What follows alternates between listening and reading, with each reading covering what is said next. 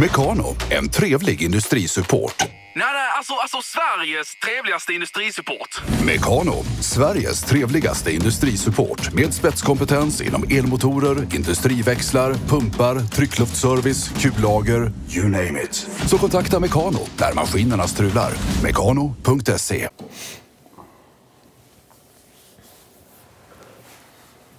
Ja, Joakim Bjäbert hade tydligen startat något uh, jäkligt skojigt företag nu då. Åh fan. Ja, vad är det den här gången då? Han har ju hållit på mycket med just uh, filter för fläktar innan. Och nu har han gjort som så att han har gått ihop med någon fränd där då som uh, tydligen är någon jäkel på att uh, tillreda olika sorters matstycken i, i utomhusugn då. Med, till, med tillhörande skorsten och värmeventilation och hela den biten.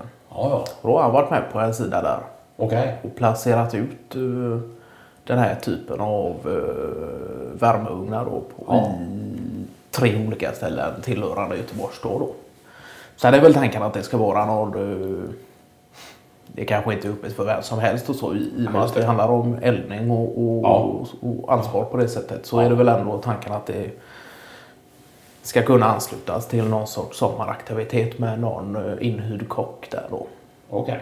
som Göteborgs stad i samordning med någon uh, matansvarig då ska se till att det, det ska förekomma då. Så om jag fattat det rätt så, så har Bjävert gjort...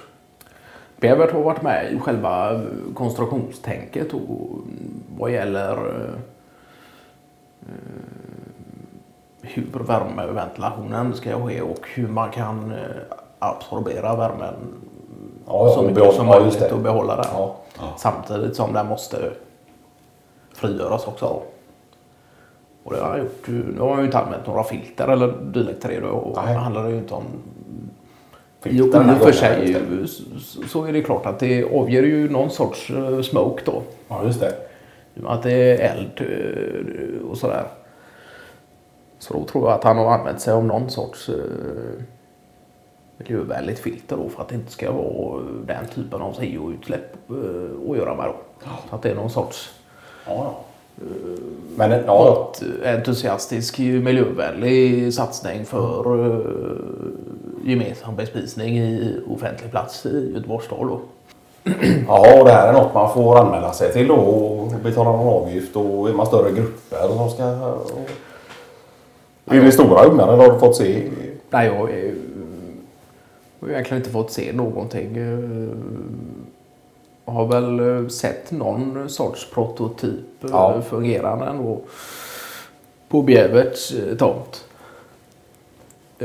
Alltså så han producerade fyra och ställde en på sin egna då? Nej, utan det här var nog snarare en, en, någon sorts testvariant Ja, ja. då, som de hade gjort tillsammans då. Ja. Men utan att eh, sen om det kommer fler eh, utplacerade än tre stycken framöver, det, det, det kan det säkert göra Ja, också. Men det var det väl tre ja, stycken som var bestämda då. Ja, som kanske något slags testprojekt då och se om det här Ja. blir uppskattat och, och sådär så blir vi fler till nästa år då. Och att det får väl vara så att det får vara i anslutning till någon sorts eh, reglementerad eh, anordning då. Att det går under alla restaurangbranschens reglementen och, och sådär då. Ja.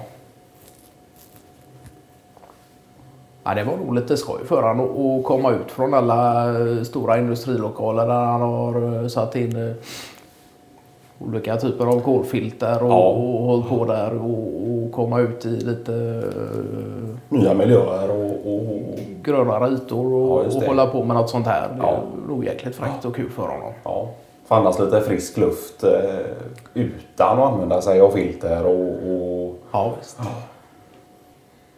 han har aldrig varit egentligen mycket för uh, matlagning och sådär egentligen. nej. Utan det är väl just allt kring. Och det som kanske har att göra med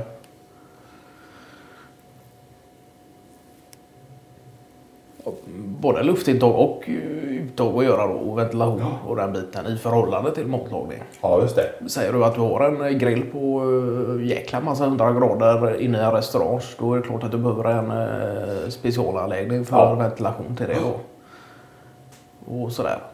Och de typerna- är ju Bjävert där och, och, och med entusiasm och, och Ja. sådär.